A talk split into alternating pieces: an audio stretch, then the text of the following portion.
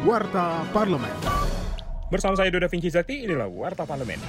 Ditemui saat uji publik rancangan Undang-Undang Pendidikan dan Layanan Psikologi di Universitas 11 Maret Solo, Jawa Tengah baru-baru ini, Wakil Ketua Komisi 10 DPR RI Heti Fasjefudian mengungkapkan pelaksanaan uji publik bertujuan untuk mengemukakan harapan dan optimisme lahirnya undang-undang yang akan menjadi payung hukum di bidang psikologi di Indonesia.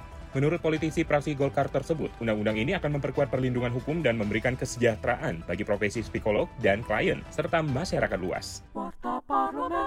Dalam rapat dengar pendapat dengan Kementerian Kelautan dan Perikanan, anggota Komisi 4 DPR RI, Alian Mus, mempertanyakan perhatian pemerintah terhadap kebutuhan nelayan kecil, karena menurutnya hingga sekarang masih banyak nelayan membutuhkan kehadiran pemerintah kalau memang lobbying yang dilakukan oleh KKP yang pergi ke luar negeri maupun membawa hasil pinjaman dari luar negeri ke sini, saya pikir target kita bisa melebihi apa yang kita inginkan.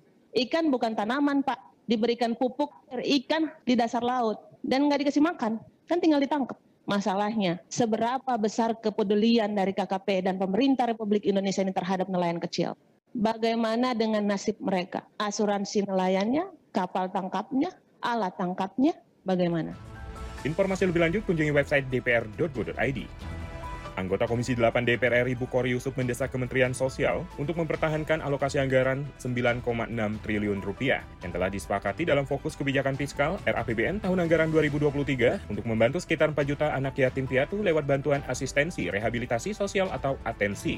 Selain itu, politisi PKS tersebut juga meminta pemerintah memperbaiki besaran manfaat bantuan sosial agar dampaknya terasa signifikan bagi penerima manfaat, guna meningkatkan kesejahteraan dan kualitas SDM di tengah kenaikan harga sejumlah komoditas. Televisi Radio Parlemen. Demikian Warta Parlemen, Produksi TV dan Radio Parlemen, Biro Pemberitaan Parlemen, Sekjen DPR RI.